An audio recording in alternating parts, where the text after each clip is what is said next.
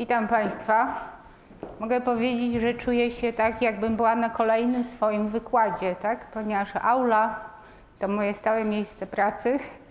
W związku z tym Państwo i ja czujemy się, jakbyśmy byli u siebie, więc mam nadzieję, że tak będzie towarzyszyło nam to do końca dzisiejszego wykładu.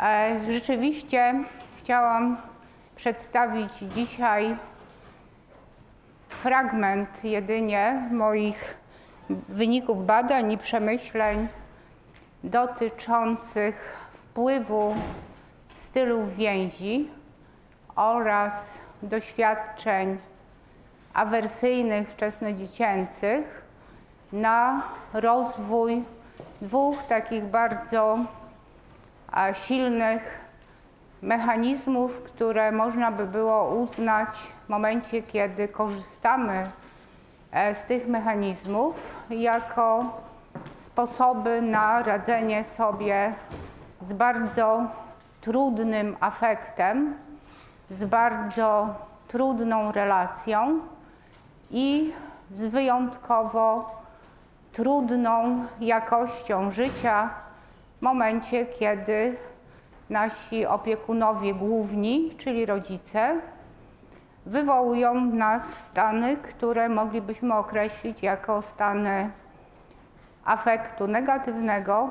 Czasem jest on definiowany przez osobę doświadczającą jako niespecyficzny stan zagrożenia, czasem jest definiowany jako złość, czasem jest definiowany jako strach, czasem jest definiowany jako wstyd, czasem jest definiowany jako niewyobrażalne poczucie krzywdy, czasem tak, jest niedefiniowany z tego względu, że gdyby miał być zaetykietowany, zdefiniowany, to w tym momencie osoba doświadczająca tak silnych, niekiedy przerażających doświadczeń, właściwie, jeżeli to jest dziecko, mogłaby wstać, zamknąć drzwi z drugiej strony i powiedzieć: Ale ja nie chcę mieszkać w takim domu, gdzie dzieje mi się tak okrutna krzywda. Wiemy, że niekiedy zrobić tego nie może, z tego względu, że nie ma dokąd pójść, że nawet jak wyjdzie i zamknie drzwi z drugiej strony, to może się pobłąka po ulicach, może pójdzie do parku, może sobie popłacze w kącie, ale przecież musi coś jeść, musi gdzieś spać, musi gdzieś żyć. Jasne, moglibyśmy powiedzieć, że przecież to nie jest życie. Tak, to jest przetrwanie. Ale w momencie, kiedy mamy do wyboru żyć, nazywać, czuć i w tym momencie właśnie, tak, nie wytrzymując tego, wyjść i zamknąć drzwi z drugiej strony, to wybieramy albo wybiera nam się opcja przetrwać. A opcja przetrwać, o tym chcę dzisiaj Państwa przekonać, możliwa jest tylko i wyłącznie wtedy, kiedy ma szansę opierać się o właśnie te dwa mechanizmy. A leksy tymie, czyli brak słów dla emocji oraz dysocjację, którą metaforycznie określamy jako ucieczka, gdy nie ma ucieczki. Ucieczka w świat fantazji, alternatywną rzeczywistość, w rozłączenie się psychiczne, wtedy kiedy ciało jest bite, ale ja jestem wolna, mnie tu nie ma. Rozłączenie, które jest stworzeniem rozszczepionego, alternatywnego, możliwego do przetrwania świata, ale naprawdę niemożliwego do życia. W związku z tym te dwa filary, te dwa fundamenty, które traktujemy jako adaptacyjne mechanizmy radzenia sobie wtedy, kiedy jesteśmy dziećmi i nasz wybór jest tak naprawdę brakiem wyboru, w związku z tym te dwa mega ważne mechanizmy dają nam szansę, żeby przetrwać. Natomiast niestety wtedy, kiedy staną się już trwałym, nawykowym, utrwalonym sposobem na radzenie sobie w życiu, wtedy, kiedy jesteśmy osobami dorosłymi, stają się mechanizmami, które mają status mechanizmów dysfunkcjonalnych. Tak? Czyli to jest tak, jakbyśmy my, jako osoby dorosłe, zamrozili się w radzeniu sobie w sytuacjach trudnych, potencjalnie trudnych, w sytuacjach stresowych, mniej albo bardziej, zamrozili się w taki sposób, że stosujemy sztywne, jedynie znane mechanizmy radzenia sobie. Problem z tym jest taki, że one, jak mówiłam, są dysfunkcjonalne. Dysfunkcjonalność polega na tym, że bardziej nam i otoczeniu naszemu szkodzą, niż pomagają. E, I w tym momencie nakręcają tak zwany traumatyczny rozwój i nakręcając nieadaptacyjne sposoby radzenia sobie, właściwie potęgują nasze cierpienie, nasz dramat, nasze radzenie i nieradzenie sobie w sytuacjach, zwłaszcza takich, które związane są z przeżywaniem emocji. Także, jak słyszycie Państwo, plan, który mam, jest dzisiaj taki, abyśmy zrozumieli, jaki jest mechanizm powstawania, utrwalania się i następnie tak, k funkcjonalności bądź dysfunkcjonalności mechanizmów, które pozwalają przetrwać, ale niekoniecznie pozwalają w tym momencie osobie dorosłej żyć. Chciałam e, zacząć fragmentem z książki Garland. Mam świadomość tego, że pani Garland pracuje i tworzy w paradygmacie psychoanalitycznym. Natomiast ten fragment, który tutaj przytoczyłam, jest fragmentem, który ma charakter opisowy. W związku z tym można powiedzieć, że w tym paradygmacie przywiązaniowym, w którym ja się poruszam, wyjaśniając mechanizmy rozwoju aleksytymii dysocjacji, również słowa napisane przez panią Garland są jak najbardziej adekwatne i trafne. Popatrzcie Państwo, że w tym momencie rzeczywiście jest tak, że przywiązujemy szczególną wagę do dzieciństwa i historii rozwojowej, gdyż zadaniem e, psychotraumatologów jest zbadanie najwcześniejszych relacji i zbadanie ich pod kątem tego, jak kształtują one późniejszą strukturę psychiki, ale także zbadanie tego, jaki wpływ wywierają na świat wewnętrzny podmiotu. Ponieważ te wczesne doświadczenia kontaktów z innymi ludźmi w nieunikniony sposób determinują natężenie zranień psychicznych powstałych na skutek traumatycznych kolizji ze światem zewnętrznym. Tak? Czyli w tym momencie miejmy pełną świadomość tego, że relacja, która od właściwie tak, okresu prenatalnego, ale od natalnego na pewno występuje między niemowlęciem, dzieckiem, a głównymi figurami przywiązania, czyli rodzicami, jest tą relacją, która e, wpływa na kształtowanie się właśnie tak, struktury y, psychicznej i w tym momencie powoduje to, że określone struktury determinują zakres i sposób powrotu do e, równowagi. E, podjęłam dzisiaj decyzję, że e, ten wykład zacznę od definicji pojęć podstawowych, z tego względu, że zarówno wtedy Państwo, jak i ja będziemy poruszać się w obrębie definicji, które tutaj dzisiaj zaproponuję. Tak? A zatem e, nie będzie e, czegoś takiego jak definicja w domyśle, tylko będzie to twarda definicja, która na czas dzisiejszego wykładu jest definicją, którą e, ja jakby tak tutaj wprowadziłam i jest to definicja w obrębie jakby terminologii znaczeniowej, którą się będziemy posługiwać. I oczywiście zaczynamy od stylu więzi.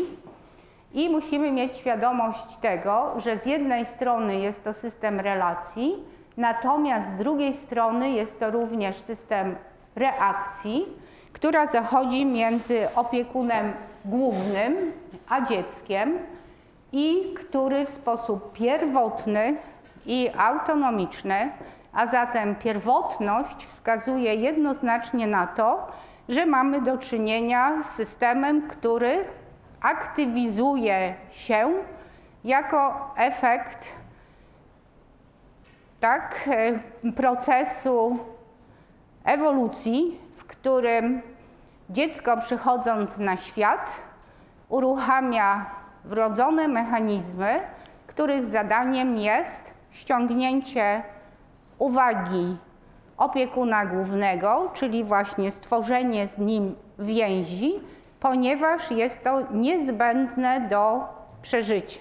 A zatem określony sposób komunikacji, określony sposób e, też przyciągania uwagi jest sposobem, który jest nam dany z tego względu, że raczej szanse na to, żeby przeżyć, byśmy mieli niewielkie.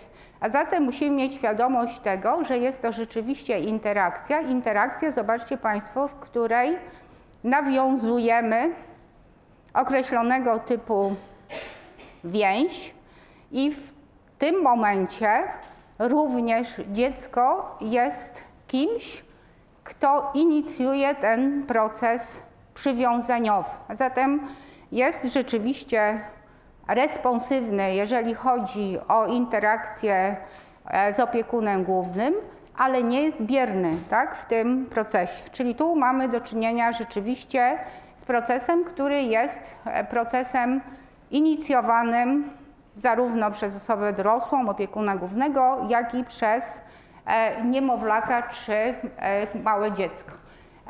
Wiele badań wskazuje, że te pierwsze, najbardziej podstawowe sposoby wchodzenia w relacje stanowią swoisty skrypt albo bazę, albo matrycę do tego, aby w wieku dorosłym w taki sam sposób szukać i nawiązywać więzi w relacjach bliskich, intymnych. Tak? Wręcz jak tutaj cała masa badań podkreśla ten element, że relacja przywiązaniowa i styl więzi towarzyszy nam od urodzenia aż do śmierci.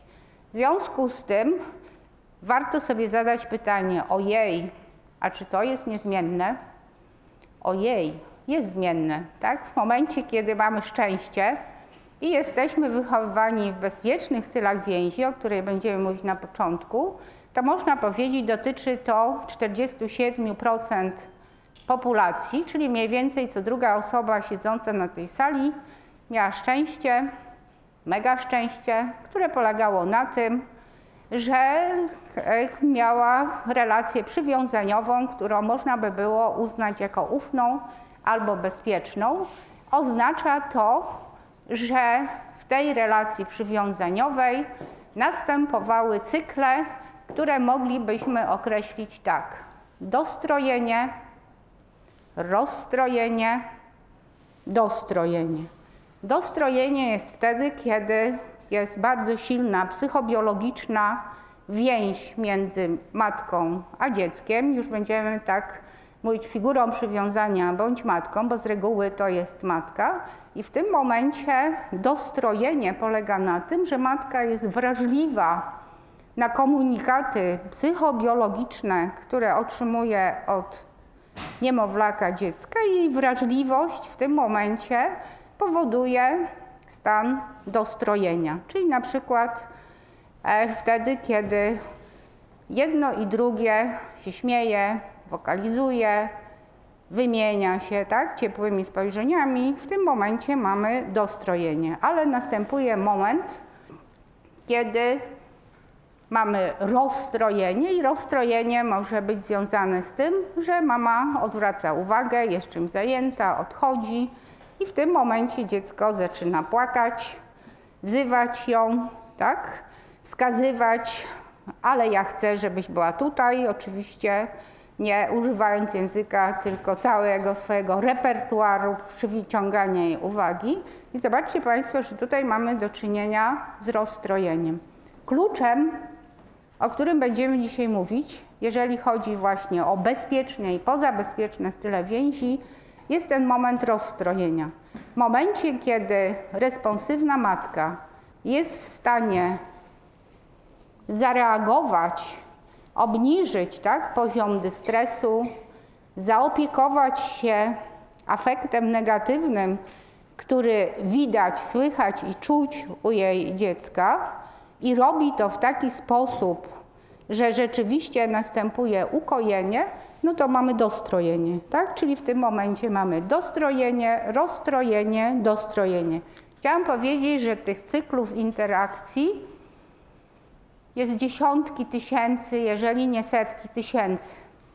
Ich powtarzalność, jak zobaczycie Państwo, odpowiedzialna jest za to, w jaki sposób dojrzewa mózg, w jaki sposób rozwijają się głównie prawa półkula i te części niższe, czyli układ limbiczny, w jaki sposób dziecko potrafi samo potem uruchomić mechanizmy samoukojenia.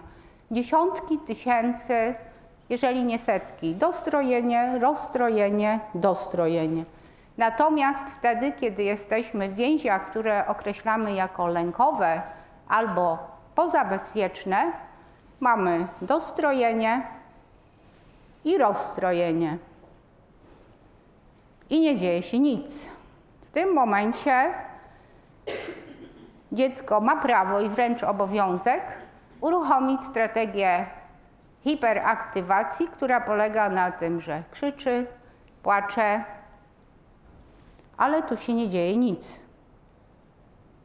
Nakarmione, przewinięte, godzina 20.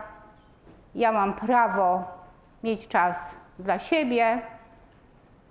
Wszystkie możliwe podręczniki mówią, jeżeli teraz pójdziesz do swojego dziecka, a ono płacze, właściwie jesteś już jego niewolnicą, ponieważ ono decyduje o tym, kiedy, jak i po co macie się komunikować.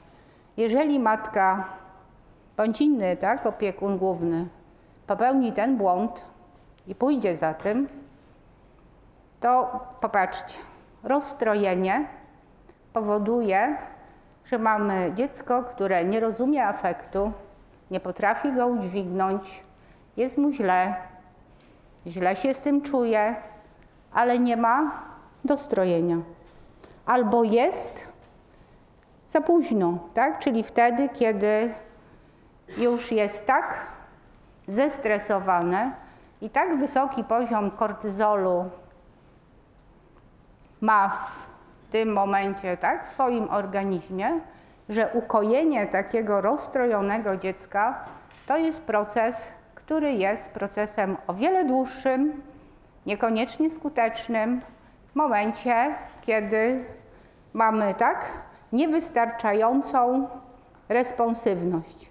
Powiedziałam tutaj o strategii, która jest określana jako strategia hiperaktywacji, czyli taka, gdzie szukam, komunikuję się, usiłuje ściągnąć uwagę, ale też jest druga strategia, która jest również związana z rozstrojeniem, to jest strategia hipoaktywacji.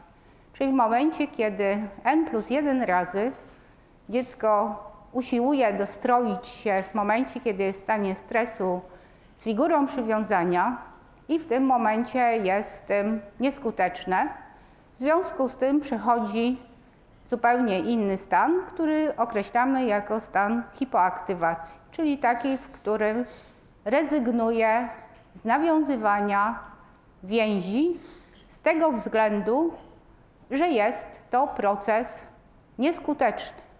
W związku z tym rodzic nierozumiejący więzi, no bo nie ma obowiązku studiować psychologię i przychodzić na takie wykłady, tak? ma ciekawsze zajęcia w piątek po południu. W tym momencie, jeżeli mieliśmy dostrojenie i jest rozstrojenie, dziecko się wycisza, uspokaja, zajmuje samo sobą. Mówi można? Można. Mówi ojej, mam wyjątkowe grzeczne dziecko. No fakt. Nie krzyczy, nie woła, nie potrzebuje, zajmuje się samą sobą. Dzisiaj oglądałam w TVN24, to nie jest broń Boże reklama, tak?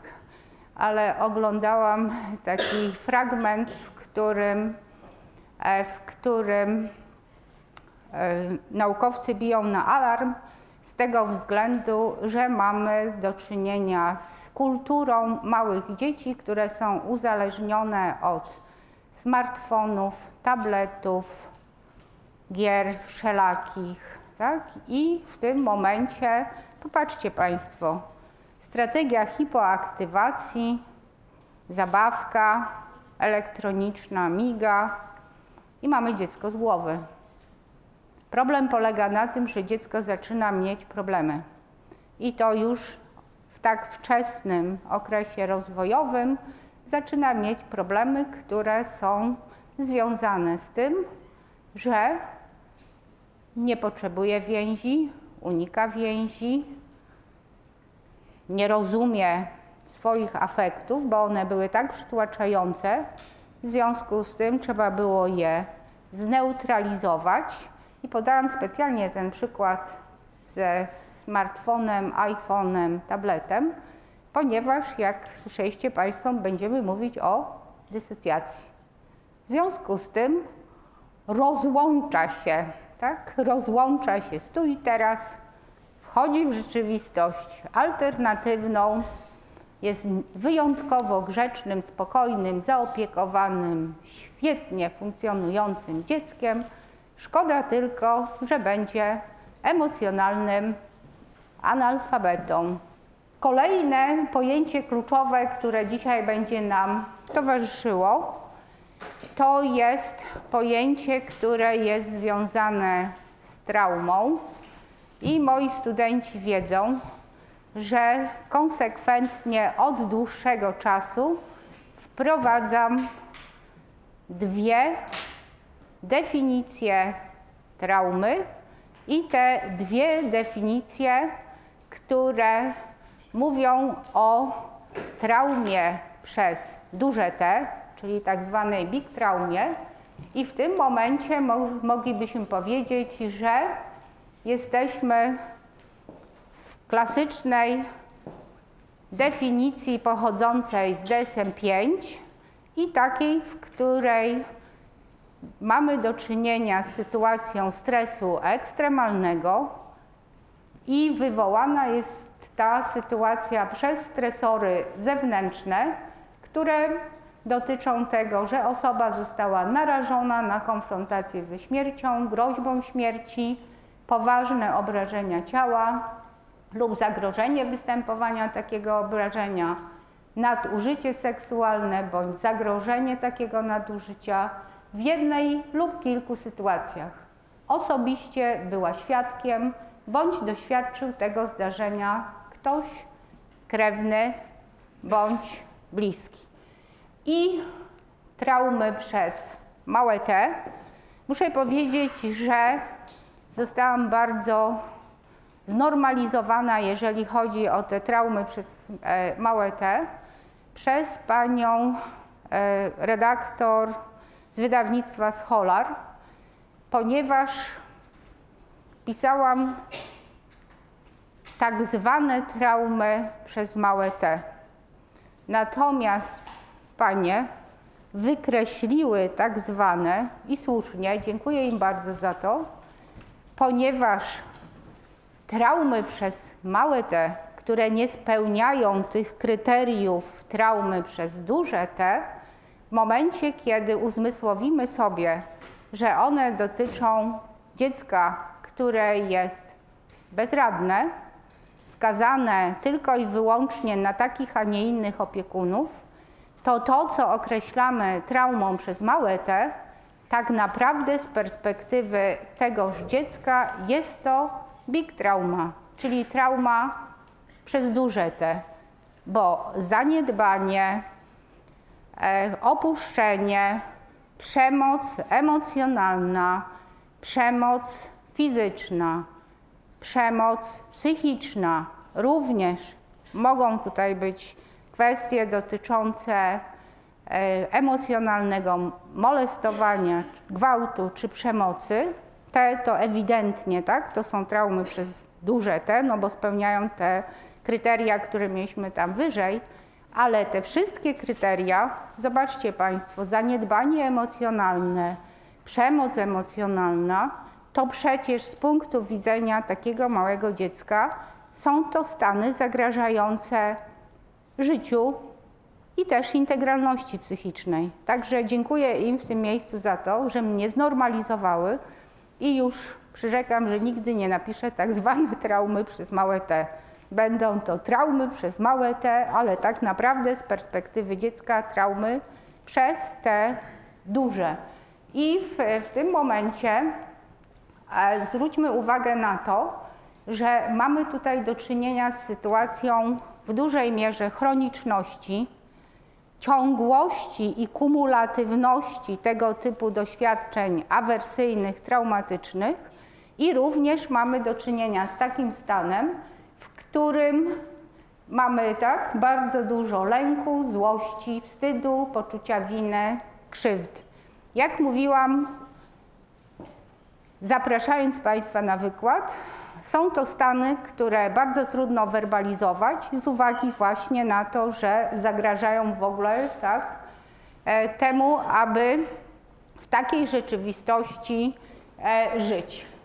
Kolejne pojęcie, które jest nam dzisiaj na wykładzie potrzebne, to jest pojęcie związane z afektem i musimy mieć świadomość tego, że jest to składowa emocji, ale też innych stanów afektywnych i jest wzbudzana wskutek procesów nadawania afektywnego znaczenia, jeżeli weźmiemy pod uwagę następującą kwestię. Od momentu urodzenia w dużej mierze operujemy mózgiem, który jest dopiero mózgiem rozwijającym się, a zatem E, w dużej mierze doświadczenia dziecka są doświadczeniami, które opierają się o tak zwaną pamięć emocjonalną. Pamięć emocjonalna jest to pamięć, która jest pamięcią niezwerbalizowaną, niewerbalizowalną i tak jest do momentu, kiedy dziecko zacznie posługiwać się językiem, a wiemy, że jest to okres powyżej 18 miesiąca, czyli w tym momencie tak mamy możliwość już jakiegoś e, pierwszego etykietowania określonego typu doświadczeń, natomiast do tego czasu mamy głównie pamięć o charakterze pamięci emocjonalnej. Zwracam w tym miejscu uwagę już Państwa na rodowód pamięci emocjonalnej z tego względu, że e, będziemy dzisiaj sprawdzać, co się dzieje z tolerancją i tolerowaniem określonego typu stanów afektywnych przez podmiot w momencie, kiedy doświadcza traumy I co się dzieje wtedy, kiedy właśnie tak mamy wyzwalacz, który aktywuje minioną traumę, natomiast z punktu widzenia podmiotu bardzo trudno jest zdefiniować, określić, nazwać, jaki wyzwalacz był tym, który spowodował u mnie tak nadmiarową i nieadekwatną reakcję. I w tym momencie, tak, świadomość tego, że mamy tutaj do czynienia z zapisem z poziomu pamięci emocjonalnej z wczesnych okresów życia i ten zapis właśnie może u osób dorosłych aktywować się bądź być wyzwalany przez bodziec skojarzony z minionym doświadczeniem traumatycznym, w momencie, kiedy to jest zapis, do którego ja nie miałam dostępu. Więc moje zachowania, moje reakcje są dla mnie kompletnie nieprzewidywalne, niezrozumiałe, czy wręcz moglibyśmy powiedzieć zagrażające. E, znakowanie trafne, jak i nietrafne wiemy, że jest z poziomu struktur układu limbicznego, ponieważ tam następuje tak, wzbudzenie ważne dla mnie, bo może być tak, że jest zagrażające dla mnie, ale ja nie wiem z jakiego powodu. Ja kompletnie tego nie rozumiem, tak? Oczywiście jesteśmy w stanie dobudować względnie spójną narrację, oczywiście niekoniecznie trafną, ale to nie ma znaczenia. Ważne, żeby wydawało mi się, że tak, dokładnie jest albo może być. Popatrzcie Państwo, że w momencie, kiedy jesteśmy w stanie pobudzenia bardzo silnego i jednocześnie jesteśmy osobami, które wychowały się w lękowych stylach więzi, a zatem jak się przekonamy, jesteśmy osobami, które mają problemy z identyfikacją emocji, z werbalizacją emocji, mamy zaburzony proces wglądu we własne procesy psychiczne i w procesy psychiczne innych, czyli mamy również deficyty mentalizacji. W tym momencie, nie mając określonych instrumentów związanych z tym, aby poczuć, zrozumieć, nazwać, dokonać samoregulacji afektu, e, w tym momencie można powiedzieć, że jesteśmy pod wpływem afektu, który bierze nas w swoje posiadanie, czyli zarządza naszym zachowaniem, natomiast na pewno my nim nie zarządzamy. Jedyne, co możemy zrobić, to stłumić, zamrozić albo wybuchnąć. I w tym momencie, jak widzimy, tam jest taki ważny element, który się nazywa operacyjny styl myślenia i polega między innymi jego funkcja na tym, że ja wychodzę z takiej sytuacji, kiedy zachowałam się wyjątkowo nieadekwatnie do niej, czyli wybuchłam, zrobiłam jakiemuś studentowi awanturę, co mi się nie zdarza, ale załóżmy, że tak się zdarzyło i dokonuję atrybucji zewnętrznej, ponieważ operacyjny styl myślenia dokładnie wygląda tak, że ja szukam we wskaźnikach zewnętrznych wyjaśnienia, uzasadnienia emocji, które pojawiły się we mnie. Popatrzcie Państwo, jakie są długofalowe konsekwencje takiego funkcjonowania. Świat zewnętrzny jest dla mnie źródłem zarówno wzmocnień pozytywnych, jak i wzmocnień negatywnych. Tak, tak jakbym oddała wpływ na to, co się dzieje ze mną i z moimi emocjami, temu, co jest po stronie sytuacji zewnętrznych. Moglibyśmy powiedzieć, że jest to dramat alekstymika. No tak, ale pamiętajmy, że był to jedyny sposób na to, żeby poradzić sobie e, przez nieidentyfikowanie, nienazywanie sytuacjami, które były zbyt trudne, żeby je udźwignąć. Tak? Czyli w tym momencie aleksytymia, stając się mechanizmem radzenia sobie wtedy, kiedy jesteśmy we wczesnym dzieciństwie, w momencie, kiedy już jesteśmy osobami dorosłymi, jest czymś, co popatrzcie Państwo, jeszcze bardziej potęguje stany afektywne. Jak zobaczycie dalej w toku wykładu, aleksytymicy to osoby, które są uzależnione od przeżywania emocji negatywnych. A zatem e, chcę powiedzieć naprawdę wielkimi literami. Aleksytymik to nie jest osoba, która nie przeżywa emocji. Wręcz przeciwnie. To jest osoba, która, popatrzcie, jest pod wpływem przemożnych afektów.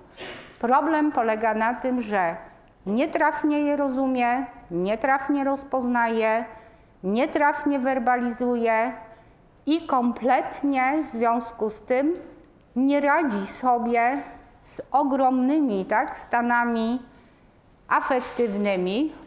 E, książka, którą tam widziałam, pan ma. Cieszę się, że pan kupił. E, jest poświęcona zaburzeniom procesom afektywnym na przykładzie osób, które są uzależnione od alkoholu. Wybrałam tę grupę z tego względu, że alkohol jest dostępny, mamy bardzo duże kulturowe przyzwolenie na e, używanie alkoholu, ale alkohol też, proszę Państwa, ma swoją moc, która polega na tym, że pozwala bardzo szybko wyciszyć, zresetować i wygasić ten nabrzmiały, stłumiony, skumulowany afekt. Nie zachęcam Państwa do tego, żebyście po wykładzie sięgnęli po lampkę czerwonego wina albo więcej tak, tego wina.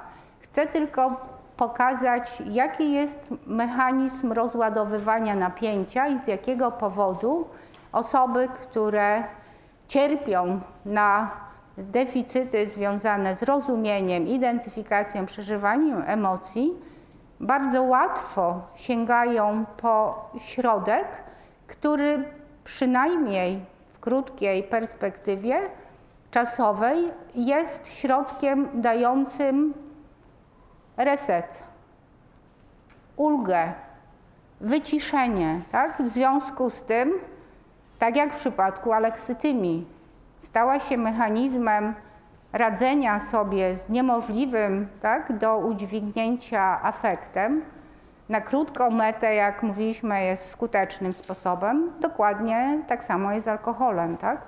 Na krótką metę jest czymś, co daje odprężenie, ulgę, poprawia humor, powoduje, że nagle tak, czujemy się tak, jakbyśmy uwolnili się od ogromnego stresu i ogromnego napięcia.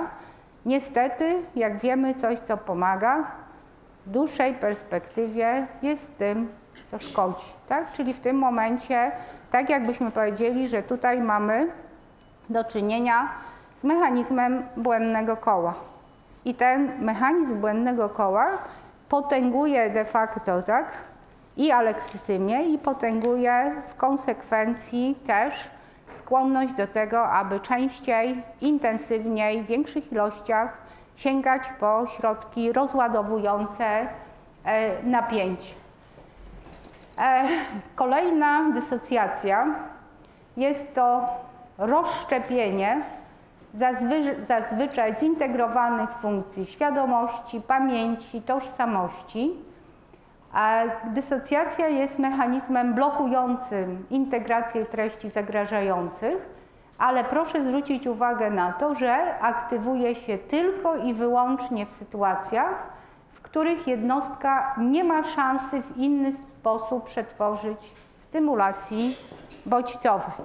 A zatem to nie jest tak, że dysocjacja jest na wyciągnięcie ręki, jest mechanizmem, który aktywizuje się automatycznie i jest jakby tak traktowana jako sposób na bycie w dwóch, trzech możliwych tutaj rzeczywistościach. Tylko i wyłącznie następuje rozszczepienie, kiedy nie mamy szans, nie mamy zasobów do tego, aby zintegrować doświadczenie, które jest zbyt trudne, zbyt złożone do tego, aby mogło być przetworzone przez strumień świadomości i być e, zintegrowane. I w tym momencie e, możemy mówić i o właśnie postaci odłączenia, jak też o postaci e, fragmentaryzacji.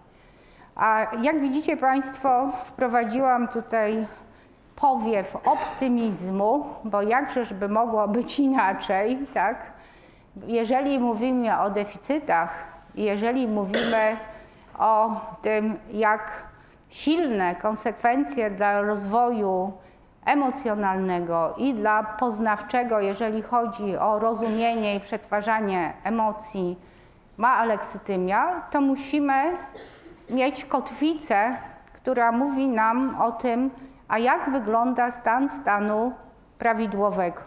Taką jakby strategię e, myślenia przyjęliśmy bardzo dawno temu z profesorem Maruszewskim, bo w 1998 roku opublikowana została książka Emocja, aleksytymia, poznanie i właśnie e, koncepcja, którą tam przyjęliśmy jako podstawę do myślenia o leksytymii zakładała, że najpierw trzeba pokazać, jak wygląda prawidłowy rozwój emocjonalny i jak wygląda ten konstrukt e, stan stanu optymalnego, czyli właśnie tak, e, inteligencja emocjonalna i wysoki jej poziom, żeby następnie odnieść to i pokazać, aha, w przypadku osób u których diagnozujemy alekstymię, tego nie ma, tego nie ma, tego nie ma, tak? Opis i diagnoza, jasne, jest początkiem do tego, żeby zadać sobie pytanie o mechanizmy wyjaśniające genezę tych e, deficytów, no i temu między innymi tak, była poświęcona częściowo książka, którą wtedy napisaliśmy, Temu poświęcona jest praca doktorska Małgosi Wawrzyniak i temu jest poświęcona e, moja ostatnia e, książka. E, I w momencie, kiedy przyjrzymy się definicji zaproponowanej przez Saloweja i Meyera, to popatrzcie Państwo, że inteligencja emocjonalna to umiejętność właściwej percepcji, oceny, wyrażania emocji, umiejętność dostępu do uczuć, zdolność ich wyrażania w momentach, gdy mogą wspomóc myślenie, umiejętność rozumienia emocji, zrozumienia wiedzy emocjonalnej, umiejętność regulowania emocji tak, by wspomagać rozwój emocjonalny i intelektualny. Wiemy, że żeby dostać bardzo atrakcyjną pracę, trzeba mieć wysoki poziom inteligencji poznawczej. Ale wszyscy wiemy, że żeby tę pracę utrzymać i w niej awansować, musimy mieć wysoki poziom inteligencji emocjonalnej. Inteligencja emocjonalna przejawia się w pięciu podstawowych zdolnościach: znajomość własnych przeżyć, kierowanie emocjami, zdolność motywowania się, rozpoznawanie emocji u innych i nawiązywanie i podtrzymywanie związków z innymi.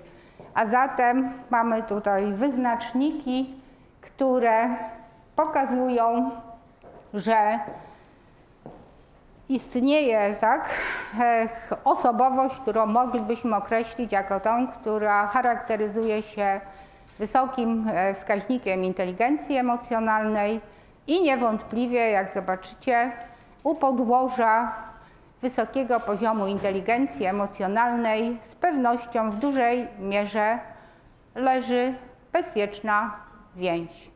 Czy to oznacza, że osoby, które były wychowywane w pozabezpiecznych więziach, są skazane na to, żeby być aleksytymikami i być osobami inteligentnymi emocjonalnie inaczej? Nie. Oznacza to, że mając świadomość tego, że w trakcie właśnie tak e, funkcjonowania w pozabezpiecznych więziach nie mieliśmy szans na to, na to i na to, jesteśmy w stanie przepracować nasze trudne doświadczenia wczesnodziecięce, jesteśmy w stanie na nowo stworzyć trafne, zreintegrowane doświadczenia i zupełnie inną narrację naszej własnej historii. I jesteśmy na najlepszej drodze właśnie do tego, aby stać się osobami inteligentnymi emocjonalnie, ponieważ to nie jest tak, że coś jest nam dane albo nie dane, tak? że w większym stopniu możemy powiedzieć, że to jest lekcja, która jest zadana. Tak? To, czy my z tej lekcji skorzystamy, no to już jest zupełnie inna e, kwestia. Popatrzcie Państwo, że e, w momencie, kiedy e, uwzględnimy te wszystkie omówione wcześniej pojęcia, to niewątpliwie doświadczenia traumatyczne plus pozabezpieczne więzi, jak już usiłowałam to powiedzieć, są predyktorem do tego, abyśmy mieli do czynienia z dysregulacją afektu, a zatem z takimi właśnie sytuacjami, w których z jednej strony figura główna nie jest w stanie zarządzić afektem u dziecka w taki sposób, aby był on tak zrozumiany, przeżyty, doświadczony i zaakceptowany i na dodatek jeszcze z określonego typu wyjaśnieniem, narracją, ponieważ jak wiecie Państwo, już dwuletnie dzieci mają potoczne koncepcje na temat emocji. Wprawdzie nie są w stanie ich w pełni zwerbalizować, ale takie koncepcje posiadają. Jeżeli dostają takie koncepcje trafne od rodziców, nie ma mowy o dysregulacji afektu. W momencie, kiedy dostają nietrafne albo nie dostają w ogóle, jak mówiłam wcześniej, zostają z afektem same. W związku z tym czują się nieszczęśliwe i na dodatek jeszcze niezrozumiane, opuszczone, bez jakichkolwiek wskazówek. Tak? Czyli jakby w tym momencie to, co jest najgorsze e, w sytuacji dysregulacji afektu, to są te stany braku obecności dorosłych wtedy, kiedy dziecko przeżywa sytuacje stresowe, czyli doświadcza silnego afektu negatywnego. Zostaje z tym samą, tak? W związku z tym, nie mając ani wsparcia, ani zrozumienia, ani wyjaśnienia, zostaje jakby tak samo z czymś, co jest przerasta, e, zbyt trudne do zrozumienia. W związku z tym musi tak radzić sobie najlepiej jak e, potrafi. I zobaczcie Państwo, że jakby tak w tym momencie e, te, efektem właśnie tak, tej pętli są deficyty w, w identyfikacji emocji oraz dysocjacja jako sposób na poradzenia sobie e, w tego typu e, sytuacjach i z tego typu doświadczeniami. E, chciałam teraz, żebyśmy na chwilę skupili się na oknie tolerancji afektywnej, z tego względu, że od razu będę mogła pokazać różnice między osobami, które mają możliwość zarządzania afektem, bo właśnie tak, dostały tego typu e, narzędzia i osobami, które takich narzędzi nie dostały, w związku z tym są jakby pozbawione możliwości i zdolności, jeżeli chodzi o właśnie tak zarządzanie sobą w momencie, kiedy jesteśmy pod wpływem silnego, afektywnego wzbudzenia. W momencie, kiedy mamy tak, stan, który jest oknem tolerancji, strefą optymalnego pobudzenia, to jest to ta strefa, w której rozumiem, nazywam, kontroluję i to ja jakby tak, jestem e, w sytuacji przeżywania emocji, ale jednocześnie rozumiem i jestem z tymi emocjami. Nie wymykają się one spod mojej kontroli.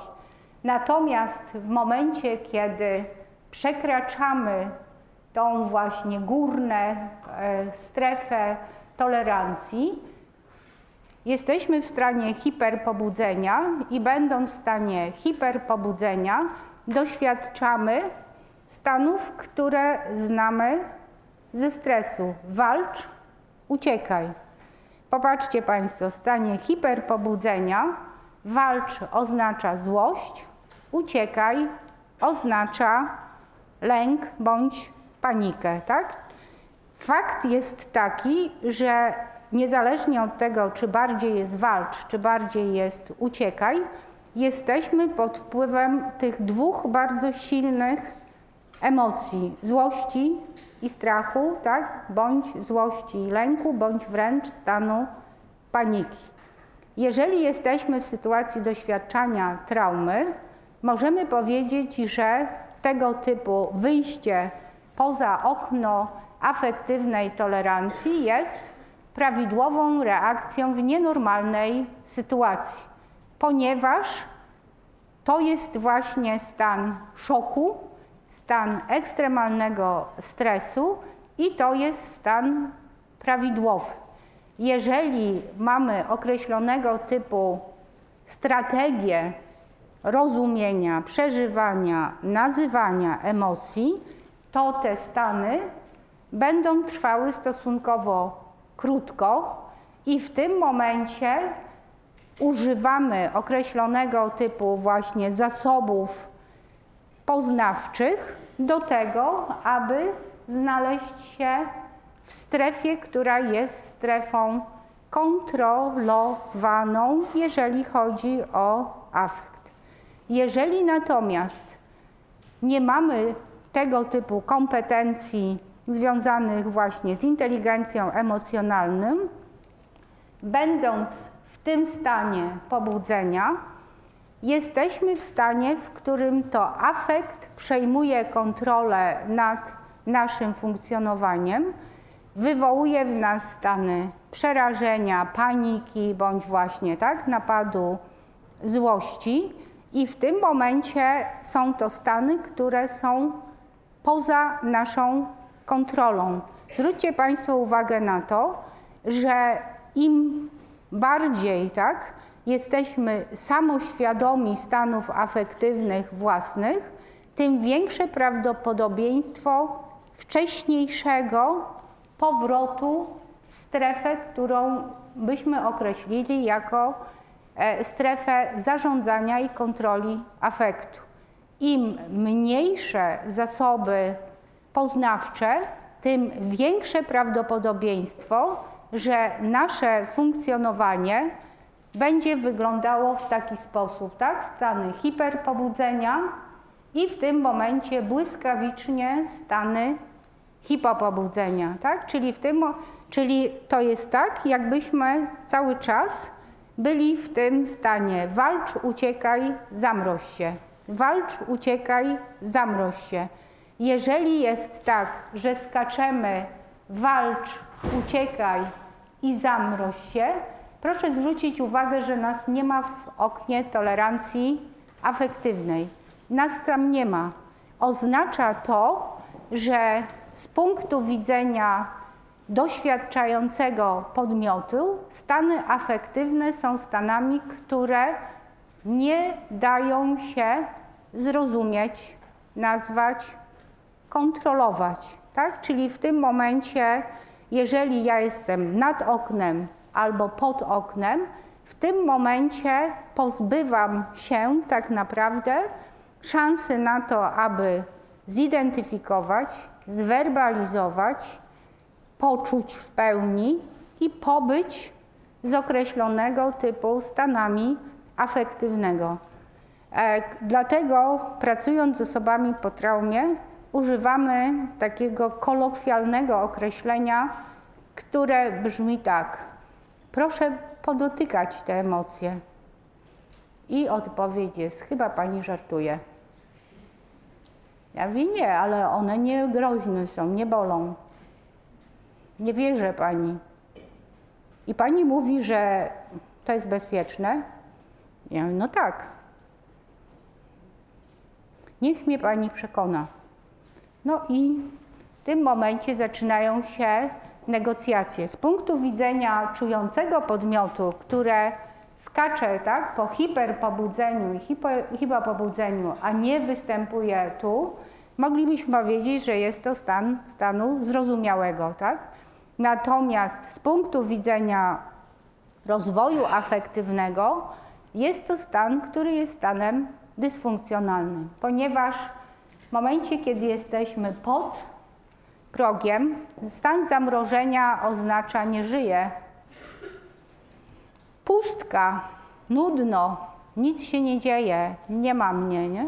W związku z tym trzeba się wybić, no i żyję, ale to też jest stan, który jest niemożliwy do udźwignięcia na dłuższą e, metę. No i teraz przechodzimy do bezpiecznych więzi i tych więzi, które pokazują, co musi być spełnione, żeby być właśnie tak w tym oknie afektywnej tolerancji i jednocześnie doświadczać, dotykać, czuć e, i przeżywać e, emocje. I popatrzcie Państwo, bo część już jakby tych rzeczy mówiłam wcześniej, ale jeszcze je tak szybko podomykam. E, mamy do czynienia z psychobiologicznym synchronizowaniem matki z wewnętrznymi stanami pobudzenia dziecka. Dalej, tak, poprzez wzrokowo-twarzową, dotykowo-gestową, słuchowo-prozodyczną komunikację opiekun i o niemowlę modyfikują swoje zachowania tak, aby się do siebie dostroić. Dostrojona do niemowlęcia matka synchronizuje swoje zachowania z wewnętrznym stanem pobudzenia niemowlęcia. Responsywność, która jest podstawą tej relacji, powoduje, że ona reguluje i komunikuje określone też stany afektywne.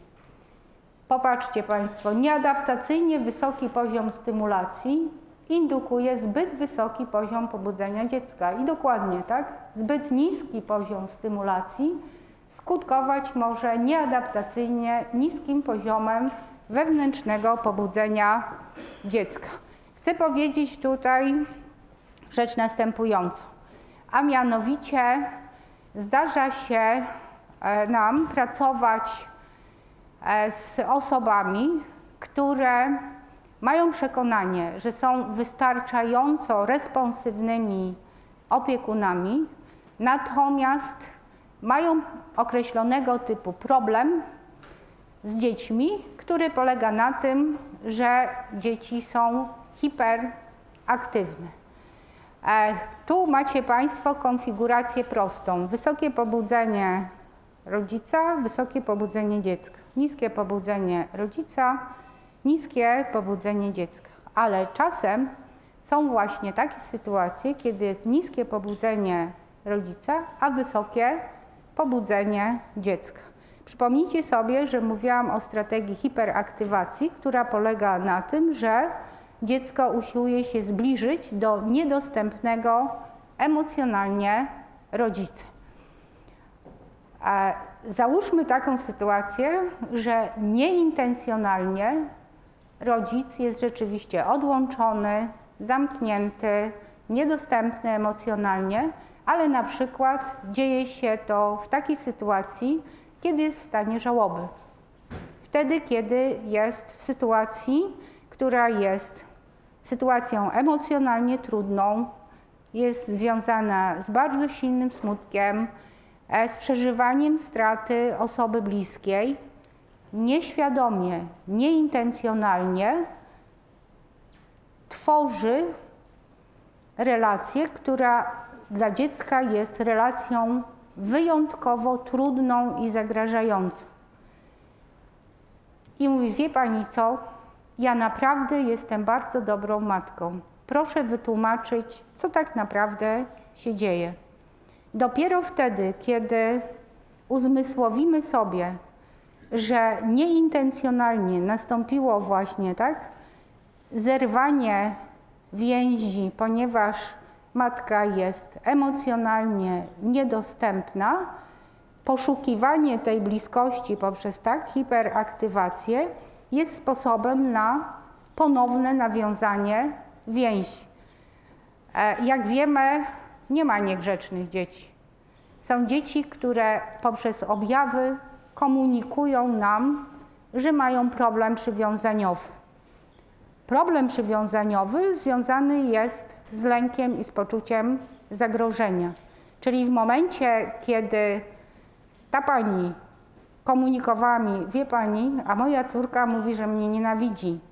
Mówi, że chce, żebym ja właściwie tak sobie poszła i jest mi tak strasznie przykro z tego powodu. Ja mówię, proszę panią, a gdybyśmy przyjrzały się temu z tej strony, że jest to szukanie bliskości z panią, ponieważ w momentach ważnych dla niej, ze względu na traumę i żałobę, pani przy niej nie było. Odtwórzmy z powrotem tę więź i zobaczy pani, że córka się znormalizuje. I rzeczywiście dokładnie taka sytuacja e, miała miejsce. A zatem nieintencjonalnie możemy zrobić kłopot sobie i swoim dzieciom i trzeba mieć świadomość tego, że im szybciej ponazywamy właściwymi słowami, tak, że chodzi tutaj właśnie o responsywną więź, powrót do tej więzi powoduje, że zaczynają znikać objawy. Objawy komunikują problem. Nie ma niegrzecznych dzieci, są nietrafnie rozumiejący rodzice, tak? E, I popatrzcie Państwo, że w przypadku ufnej więzi z opiekunem regulacja afektywna wzmacnia stany pozytywne, natomiast minimalizuje stany negatywne. I to, co podkreśliłam bardzo mocno, Pozwala to na prawidłowe dojrzewanie mózgu, tworzenie się połączeń nerwowych odpowiedzialnych za rozwój emocjonalny. E, w momencie, kiedy, w momencie, kiedy mamy rzeczywiście tak, ufne przywiązanie, mamy do czynienia z modulacją stanów afektywnych, mamy bardzo silny rezonans i to, co e, też podkreśliłam, to to, że jest to szczególnie intensywny okres rozwoju prawej półkuli mózgu. Prawej półkuli, która odpowiada za emocje, relacje społeczne, za rozpoznawanie komunikatów niewerbalnych, za szybkie i trafne odczytywanie emocji, które są tak wyrażane w komunikacji e, niewerbalnej. Teraz popatrzcie Państwo, że e, do 18 miesiąca życia następuje bardzo silna mielinizacja układu limbicznego, a wiemy, że im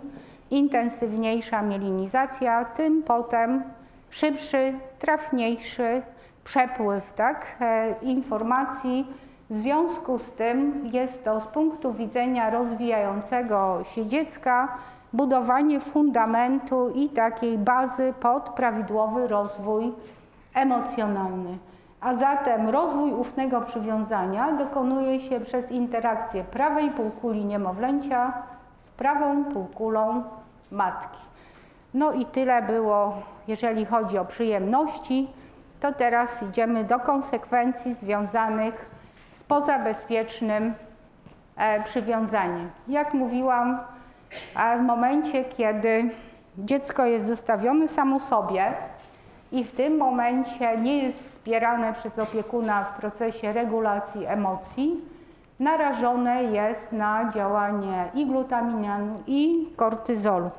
O jakby patogennych konsekwencjach dla rozwijającego się mózgu Niestety, tak, nie mam szans mówić więcej, ale tylko wybrałam te rzeczy, które są ważne z punktu widzenia i aleksytymii, i dysocjacji. A zatem, tak, mamy tutaj wpływ na prawą półkulę z tego względu, że konsekwencją jest niedojrzałość, ograniczona zdolność do regulacji intensywnych stanów afektywnych.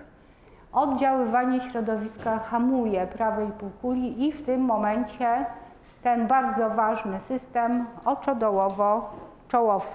Między innymi temu zagadnieniu była poświęcona praca doktorska Małgosi Wawrzyniak i jak w tym momencie ja byłam zachwycona wynikami jej badań z tego względu, że właśnie tak pokazała, że aleksytymia nie dotyczy tylko i wyłącznie procesów intrapsychicznych, ale również dotyczy funkcjonowania w relacjach i ogromnych deficytów, jeżeli chodzi o trafne rozpoznawanie emocji prostych.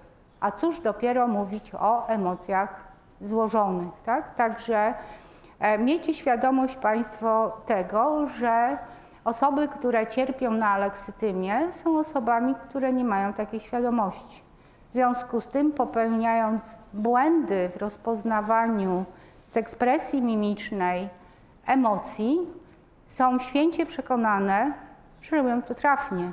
W związku z tym konflikty, które im się przydarzają interpersonalne, są konfliktami, moglibyśmy powiedzieć, na które niejako są zaprogramowane, nie mając tego świadomości, tak? ponieważ każdemu z nas subiektywnie się wydaje, że ja no przecież dokładnie widzę, co tutaj maluje się na Pana twarzy. I to artykułuje, a Pan mówi nic podobnego. W związku z tym, komu mam ufać, Panu czy sobie? No wiadomo, że będę ufała sobie, tak? W związku z tym błąd który popełniłam na początku, będę jeszcze bardziej uzasadniała i w tym momencie moja psychiczna reprezentacja emocji będzie usiana, tak, e, same takie właśnie błędy. Podczas intensywnego stresu prawa półkula może stracić zdolność do integracji pomiędzy systemami korowymi a podkorowymi i w tym momencie, tak, na niższym poziomie następuje przetwarzanie i blokada przed dostępem wyższych struktur neuronalnych. Bardzo ważny jest również ten element, który mówi o tym, że wczesne doświadczenia mogą pozostawiać po sobie stałą reaktywność w obszarach limbicznych mózgu.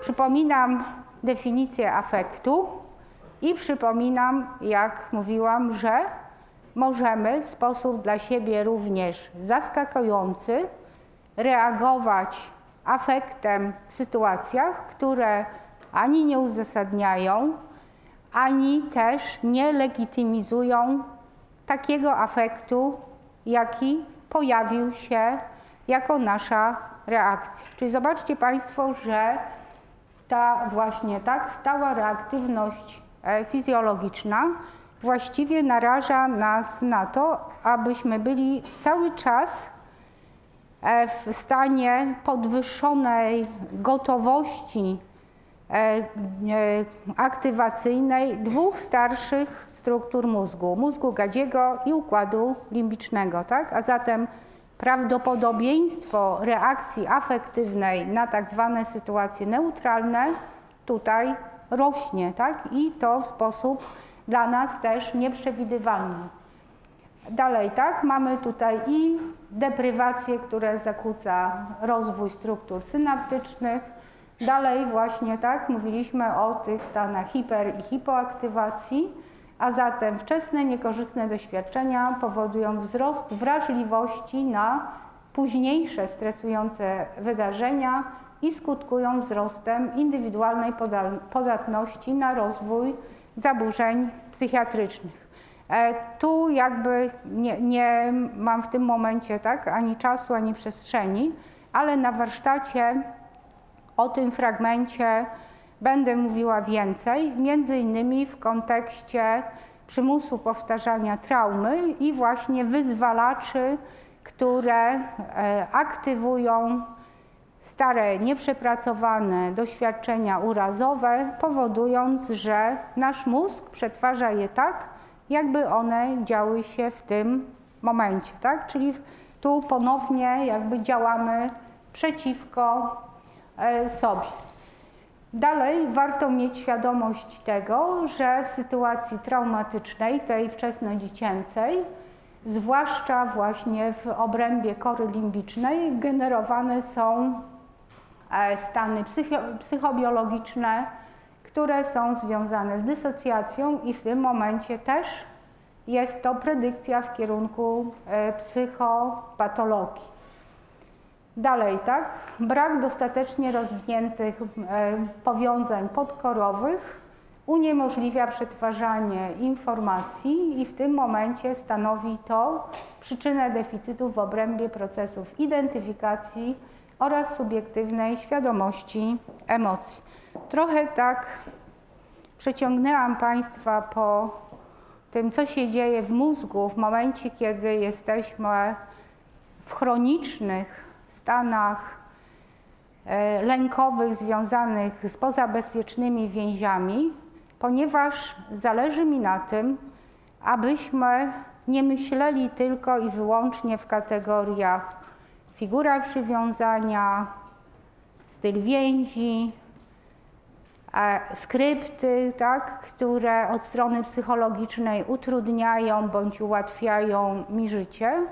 Zależało mi, jak przygotowałam tą prezentację, na tym, żeby pokazać, jak bardzo złożony jest to psycho, neuro, fizjologiczny system wzajemnych oddziaływań, tak? Żebyśmy mieli świadomość tego, że tylko i wyłącznie holistyczne spojrzenie na to, co się dzieje w tej wczesnej relacji przywiązaniowej, żebyśmy mieli świadomość tego, jak jest to bardzo ważne dla prawidłowego bądź zaburzonego rozwoju poszczególnych e, części mózgu i połączeń między nimi, i żebyśmy dokładnie mieli świadomość tego, że warunki początkowe mogą się tak naprawdę kłaść cieniem, jeżeli właśnie chodzi tak o e, okresy krytyczne dla rozwijającego się mózgu. Krytyczne oznacza, że pewne kompetencje, pewne zdolności będą albo niemożliwe, albo możliwe w określonym zakresie. E, zastanawialiśmy się e, z magistrantami nad tym, czy możliwe jest opracowanie takiego programu dotyczącego rozpoznawania emocji, aby poddać takiemu treningowi osoby z wysokim poziomem aleksytymii i w tym momencie w ten sposób uczyć na nowo prawidłowego rozpoznawania. W tej chwili stawiam trzy kropki. Przypuszczam, że ten pomysł znajdzie e, swoje e, dalsze jakby tak rozwinięcie, ale jakby miejmy świadomość tego, że to jest taka właśnie pętla tak, wzajemnych e, zależności i zależności, które odciskają się bardzo silnym piętnem właśnie na funkcjonowaniu mózgu. I tak oto wprowadziliśmy właśnie tenże mózg i wprowadziliśmy te dwie struktury, które są szczególnie istotne wtedy, kiedy jesteśmy w sytuacji e, stresu, a już stresu traumatycznego na pewno. I to, co jest istotne z punktu widzenia pozabezpiecznych więzi i wczesnodziecięcych traum, wygląda następująco. Tak? E, w momencie, kiedy mamy do czynienia z chronicznym e, narażeniem na stres ekstremalny, miejmy świadomość tego, że uruchamia się ciągła aktywacja tych struktur niższych, czyli mózgu gadziego i układu limbicznego, i konsekwencją tego jest to, że mózg traci zdolność różnicowania bodźców jako tych, które są bezpieczne, od tych, które są zagrażające. A zatem mamy do czynienia z nadmierną czujnością. To, co jest jakby dalszą konsekwencją, to jest to, że e, mózg ma bardzo ograniczoną zdolność różnicowania między wyobrażeniem minionej traumy od jej doświadczania, tak? A zatem wyzwalacze określonego typu reaktywacje działają tak, jakbyśmy ponownie mieli 5-6 lat i ponownie byli w tej źródłowej, pierwotnej sytuacji traumatycznym. A zatem ponowne reaktywacje tak naprawdę powodują, że sieć strachu, jak to mówi Edna Foa, jest tą, która się jeszcze bardziej utrwala, co oznacza, że wyzwalacze sytuacji aktualnej są w stanie wzbudzić pełnoobjawowe doświadczanie traumy, mimo że się nic nie dzieje, tak? Że jesteśmy dzisiaj, jesteśmy bezpieczni, jesteśmy w sytuacji, która ma sytuację bodźcową na 2, 3, natomiast nasza reakcja jest na 10, tak? Tak jakby nam coś bardzo e, zagrażało.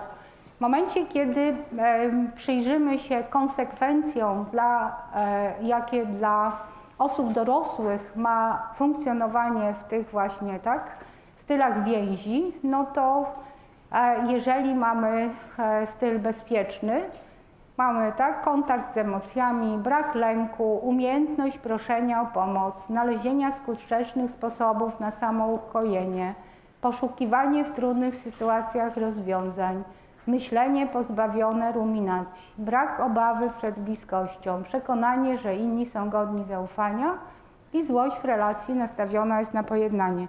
Popatrzcie Państwo, że oprócz określonego typu kompetencji emocjonalnych, które dotyczą zarządzania, rozumienia, okazywania, przeżywania, mówimy tutaj też o kompetencjach społecznych, które pozwalają w sposób asertywny adekwatny do sytuacji bodźcowej, komunikować się z osobami ważnymi i nie tylko ważnymi. A zatem brak ruminacji, brak katastrofizowania jest zarządzaniem sobą tu i teraz adekwatnie do sytuacji bodźcowej. Tak? I też ze względu na to, że mamy niski lęk przed bliskością i niski lęk przed odrzuceniem, w związku z tym jesteśmy w stanie adekwatnie pokazać, że ktoś nam zrobił przykrość, pokazać, że się zezłościliśmy i mając niski lęk przed odrzuceniem,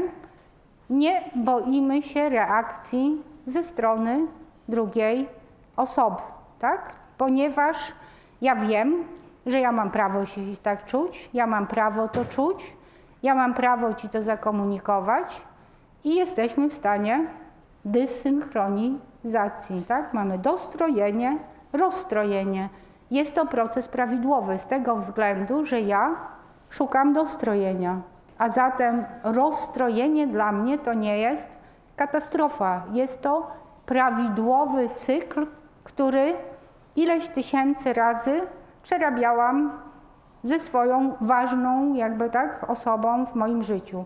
Popatrzcie, też mamy w tym momencie aktywne i działające struktury mózgu, które są za to odpowiedzialne, za kontrolę, za regulację, za przewidywanie, za szukanie nowych rozwiązań, tak? Czyli mamy możliwość rzeczywiście aktywacji tych struktur, które są tutaj wyjątkowo jakby pomocne i ważne. Natomiast co się dzieje wtedy, kiedy jesteśmy w więzi lękowo-ambiwalentnej? Z tego względu, że e, osoba dla nas ważna była w dużej mierze nieprzewidywalna.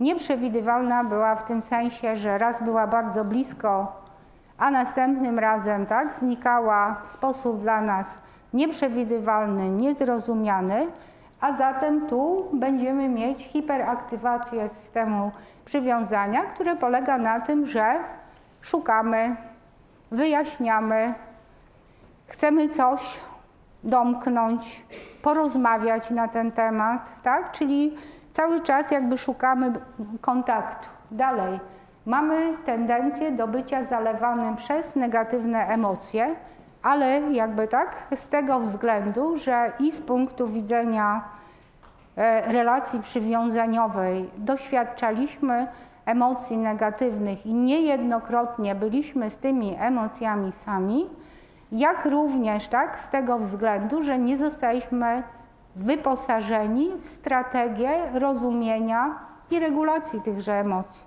W związku to jest z tym tak, to jest tak, jakbyśmy pozwolili tak, żeby emocja płynęła, a my jesteśmy w tej emocji. Jest nam tak dobrze, że aż jest nam za dobrze. Tak? Dalej mamy tutaj tak, wysoką wrażliwość na sygnały odrzucenia przez innych i potrzeba ciągłej atencji, przesadne też podkreślanie tak, poczucia bezradności w celu skupienia na sobie uwagi. Skupienie na zagrażających przeżyciach i ruminacje, negatywne przekonania na temat siebie i świata i bardzo silne poczucie winy. W związku z tym osoby z lękowo-ambiwalentnej więzi to są osoby, które mają wysoki lęk przed odrzuceniem i niski lęk przed bliskością. Tak? Ale ten niski lęk przed bliskością powoduje, że szukając akceptacji, zrozumienia, bombardują, no bo tu jest strategia hiperaktywacji, bombardują innych sobą i nie są w stanie usłyszeć, że ktoś jest zmęczony, że teraz nie ma ochoty na spotkanie, że mam do tego prawo. W tym momencie, tak, ponieważ jest to związane z bardzo silnym lękiem przed odrzuceniem, konsekwencja jest taka, że ruminacje i katastrofizowanie dotyczą przekonań, które mówią tak, na pewno zrobiłam coś nie tak. Już nie będę używała lepszych określeń, bo Państwo kiwając głowami, rozumiem, że byście w stanie mi tutaj dali tak, możliwość zaprezentowania większego spektrum takich e, przekonań. Natomiast popatrzcie, tak jak tu mieliśmy całe spektrum emocji, pozytywne, negatywne, cały wachlarz. Tak tu przechodzimy już w stronę nadmiernego przeżywania emocji negatywnych. Mamy tak deficyty, jeżeli chodzi o umiejętność doświadczania emocji pozytywnych, ponieważ nawet jeżeli taka osoba tak, jest w bliskiej relacji, związku, to cały czas czai się w niej lęk przed tym, że zostanę odrzucona, bo nie jestem dość dobra. Nie? W związku z tym nie jest w stanie zafirmować tej relacji w taki sposób, żeby z niej czerpać dużo pozytywnych emocji, tylko cały czas jest w tym właśnie aktywnym mózgu przetrwania, który mówi: O nie, nie, nie, musisz być czujna, o nie, nie, nie, bo to może to i to się stać. Zdajcie sobie sprawę, że są to osoby, które bardzo mocno kontrolują swoich partnerów bądź partnerki. Ale tu postaje trzy kropki, bo to nie jest jakby tematem tak, naszego dzisiejszego spotkania w takim głębszym wymiarze. I ten e, ostatni e, mówi nam o dezaktywacji systemu przywiązania, czyli dominuje tutaj strategia hipoaktywacji, blokowanie emocji, ograniczony dostęp do smutku lęku, dystans od zagrażających myśli, emocji przeżyć, trudności z poszukiwaniem bliskości, odbieranie innych jako zagrażających, niegodnych e, zaufania, brak integracji treści emocjonalnych w procesie przetwarzania i działania. Jak patrzycie Państwo na te charakterystyki opisowe, to przypuszczam, że każdy z Państwa bez problemu powiedziałby na moje pytanie tak. Która z tych dwóch pozabezpiecznych więzi ma większe szanse na to, aby być pełnoobjawowym aleksytymikiem? I wiadomo, że mamy tutaj ten właśnie styl więzi, który w największym stopniu predystynuje do tego typu deficytów.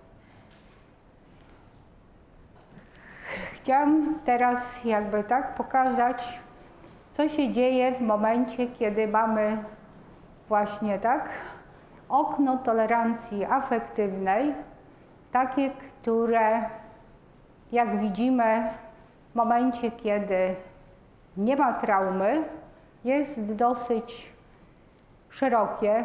Zarządzamy afektem w taki sposób, że mamy świadomość emocji, potrafimy nimi zarządzać, kontrolować. W tym momencie pojawienie się traumy musi wywołać zwężenie naszej tolerancji, jeżeli chodzi o tolerowanie bardzo silnych e, afektów.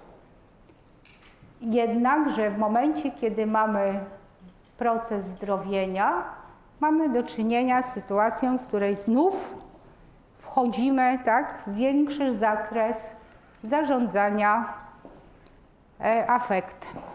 Natomiast tu chcę Państwu pokazać, co się dzieje w momencie, kiedy mamy do czynienia z osobą, która jest straumatyzowana od wczesnego dzieciństwa.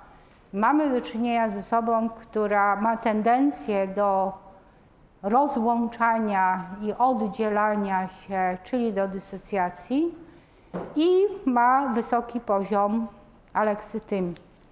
Czyli w momencie, kiedy właśnie tak, komuś takiemu przydarzy się trauma i jest to trauma, która ma charakter traumy chronicznej, tym momencie ktoś taki nie ma szans na to, aby przywrócić zasoby związane z tolerowaniem afektu, tak? Czyli w tym momencie jeszcze nie zdążył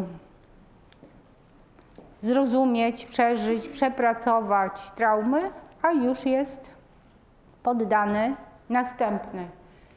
Proszę zobaczyć, że w tym momencie tak, to okno tolerancji afektywnej staje się wyjątkowo wąskie i do głosu dochodzą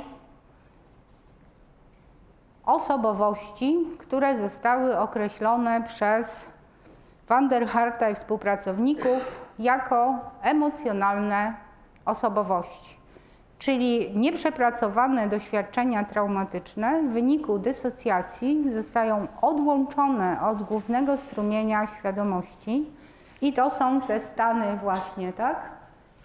Hiperaktywacji, czyli te stany, w której byliśmy w panice, w złości i to jest wyodrębnione ze świadomości nieprzetworzone doświadczenie traumatyczne, ale również te stany zamrożenia, e, które są również efektem dysocjacji. W związku z tym my funkcjonujemy tak, w taki sposób, w którym mamy tak wąskie, tak zwane okno tolerancji afektywnej, które Van der Hart nazwał pozornie normalną osobowością, czyli właściwie tak, funkcjonujemy w sposób wyjątkowo zubożony afektywnie, natomiast jesteśmy pod przemożnym niejako tak, wpływem stanów, które związane są z hiperpobudzeniem, czyli z tymi właśnie doświadczeniami traumatycznymi, które były doświadczeniami związanymi ze stanami paniki i jesteśmy w stanach zamrożenia, które są odłączaniem się. Czyli e, chroniczne traumy powodują, że jesteśmy w stanie funkcjonować prawidłowo tylko i wyłącznie w takich sytuacjach, które są aemotogenne. Ale miejmy świadomość tego, że to, że my jesteśmy w stanie tak, funkcjonować tylko i wyłącznie w takim bardzo wąskim oknie afektywnym, nie oznacza, że my tylko i wyłącznie tak funkcjonujemy, ponieważ wystarczy wyzwalacz, czyli sytuacja bodźcowa skojarzona bądź przypominająca.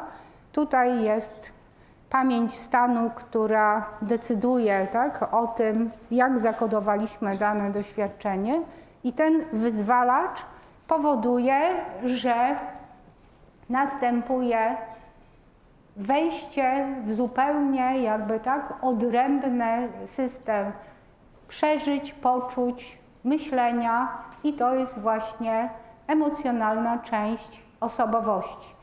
I jest to, jak tutaj e, widać pod spodem, charakterystyczne dla zaburzeń dysocjacyjnych pierwszego i drugiego e, stopnia. I w tym momencie właśnie tak te części mogą być albo e, oddzielone amnezją, albo też mogą współistnieć i są doświadczane jako różne części, jako ja i jako nie ja, tak? Czyli w, w tym momencie wielokrotnie może być tak, że ktoś mówi tak, ale ja nie wiem, jak to się stało. To w ogóle to nie byłam ja. To mnie w ogóle tak nie dotyczyło. Również dotyczy to osób, tak, które w sytuacjach e, doświadczeń traumatycznych mają prawo niejako i wręcz obowiązek przechodzić w te alternatywne e, stany właśnie emocjonalnej osobowości i przełączać się w funkcjonowaniu na inne, e, inne w tym momencie tryby. Chcę Państwu, bo nie mam już wyjścia, na zakończenie pokazać, jak wygląda praca psychotraumatologa w momencie, kiedy mamy właśnie do czynienia z osobami, które przychodzą z tak wąskim tak, oknem tolerancji afektywnej i w momencie, kiedy praca nasza po pierwsze polega na zidentyfikowaniu doświadczeń o charakterze traumatycznym z najwcześniejszej, jak się da, przeszłości, aż do dnia dzisiejszego, następnie zrozumieniu i nazwaniu tego, że ktoś taki ma prawo i wręcz właśnie tak, obowiązek funkcjonować w obszarze tej pozornie normalnej osobowości, czyli w tym takim oknie afektywnym, które jest możliwe do udźwignięcia i możliwe tak, do zaakceptowania, jednocześnie zrozumieć, że istnieją tak określonego typu mechanizmy pokazujące, pokazujące, że w momencie, kiedy jesteśmy właśnie w stanach pobudzenia, no to doświadczamy tego typu e, reakcji. I przyczyny, które powodują, że niby się nic nie dzieje, a dzieje się bardzo dużo, wyglądają tak, że strach może spowodować to, iż wykraczamy zdecydowanie poza okno. Jest niebezpiecznie, nie istnieje, jestem odrzucona, nikt mnie nie kocha. Dalej, tak? Czyli zobaczcie Państwo, że mamy tutaj do czynienia z przekonaniami kluczowymi, które mogą być automatycznie wyzwalane przez sytuacje bieżące i ze względu na to, że one tak, powstały na bazie właśnie bardzo silnych, awersyjnych e, doświadczeń, stały się motywem przewodnim e, życia danej osoby.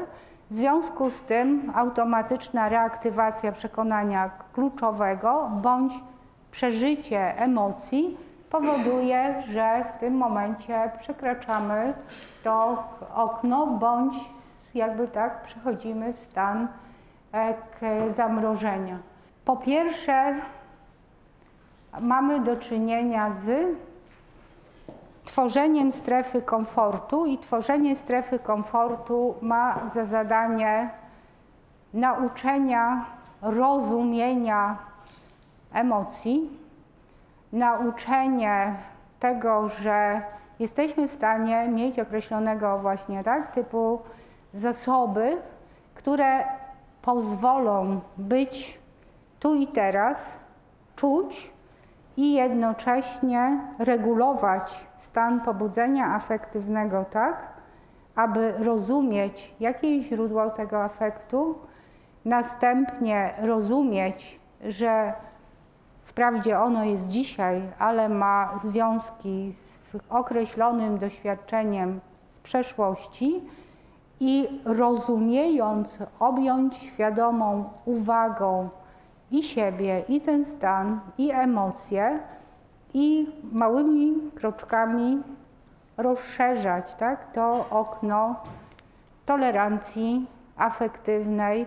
Jest to proces w przypadku osób, które mają skłonność do patologicznej dysocjacji i mają wysoki poziom aleksytymii bardzo długi, co nie oznacza, że jest niemożliwy, tak? ponieważ e, mamy też tutaj e, do dyspozycji określonego typu e, techniki związane z rozumieniem, e, nawiązywaniem tak naprawdę kontaktu z własnym ciałem, akceptowaniem tego i techniki oddechowe, e, następnie określonego typu treningi, między innymi treningi uważności, są tymi, które są bardzo jakby tak wspomagające w tym, procesie. Yoga, czyli tu mamy do czynienia też z bardzo holistycznym procesem, jeżeli mówimy o procesie zdrowienia. Tak jak holistyczna jest psychopatologia traumy, tak holistyczne jest też zdrowienie, jeżeli chodzi o wychodzenie z traumy. Niestety muszę postawić trzy kropki. Muszę powiedzieć, że już tak na koniec, że nawet doświadczenia traumatyczne w momencie, kiedy są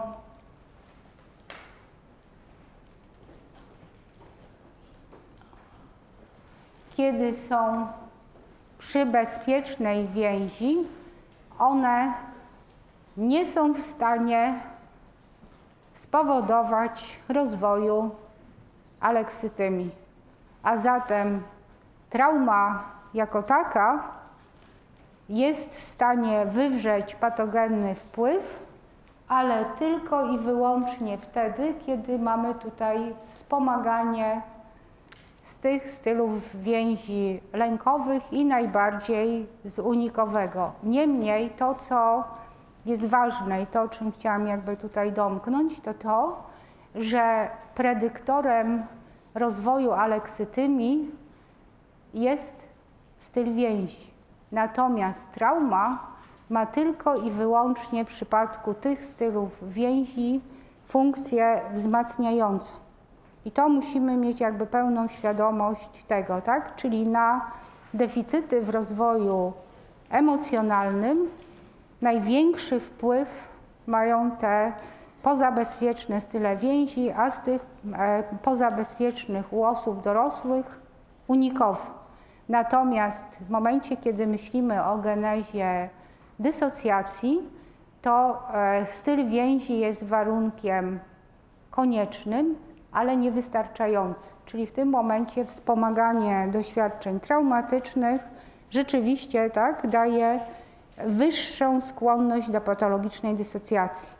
Natomiast w przypadku aleksytymii warunkiem wystarczającym i koniecznym są same style więzi. Muszę powiedzieć, że z mojego punktu widzenia jest to dosyć taki ważny wynik. Tutaj była bardzo duża grupa osób badanych i jest to jakby wynik, który w jakiś sposób e, e, pokazuje długofalowy mechanizm właśnie tak, rozwoju deficytów. A zatem jednorazowa, kilkorazowe traumy nie są w stanie dokonać takiego spustoszenia, jeżeli chodzi o deficyty emocjonalne, jak tak niewiele, które czyni tak wiele.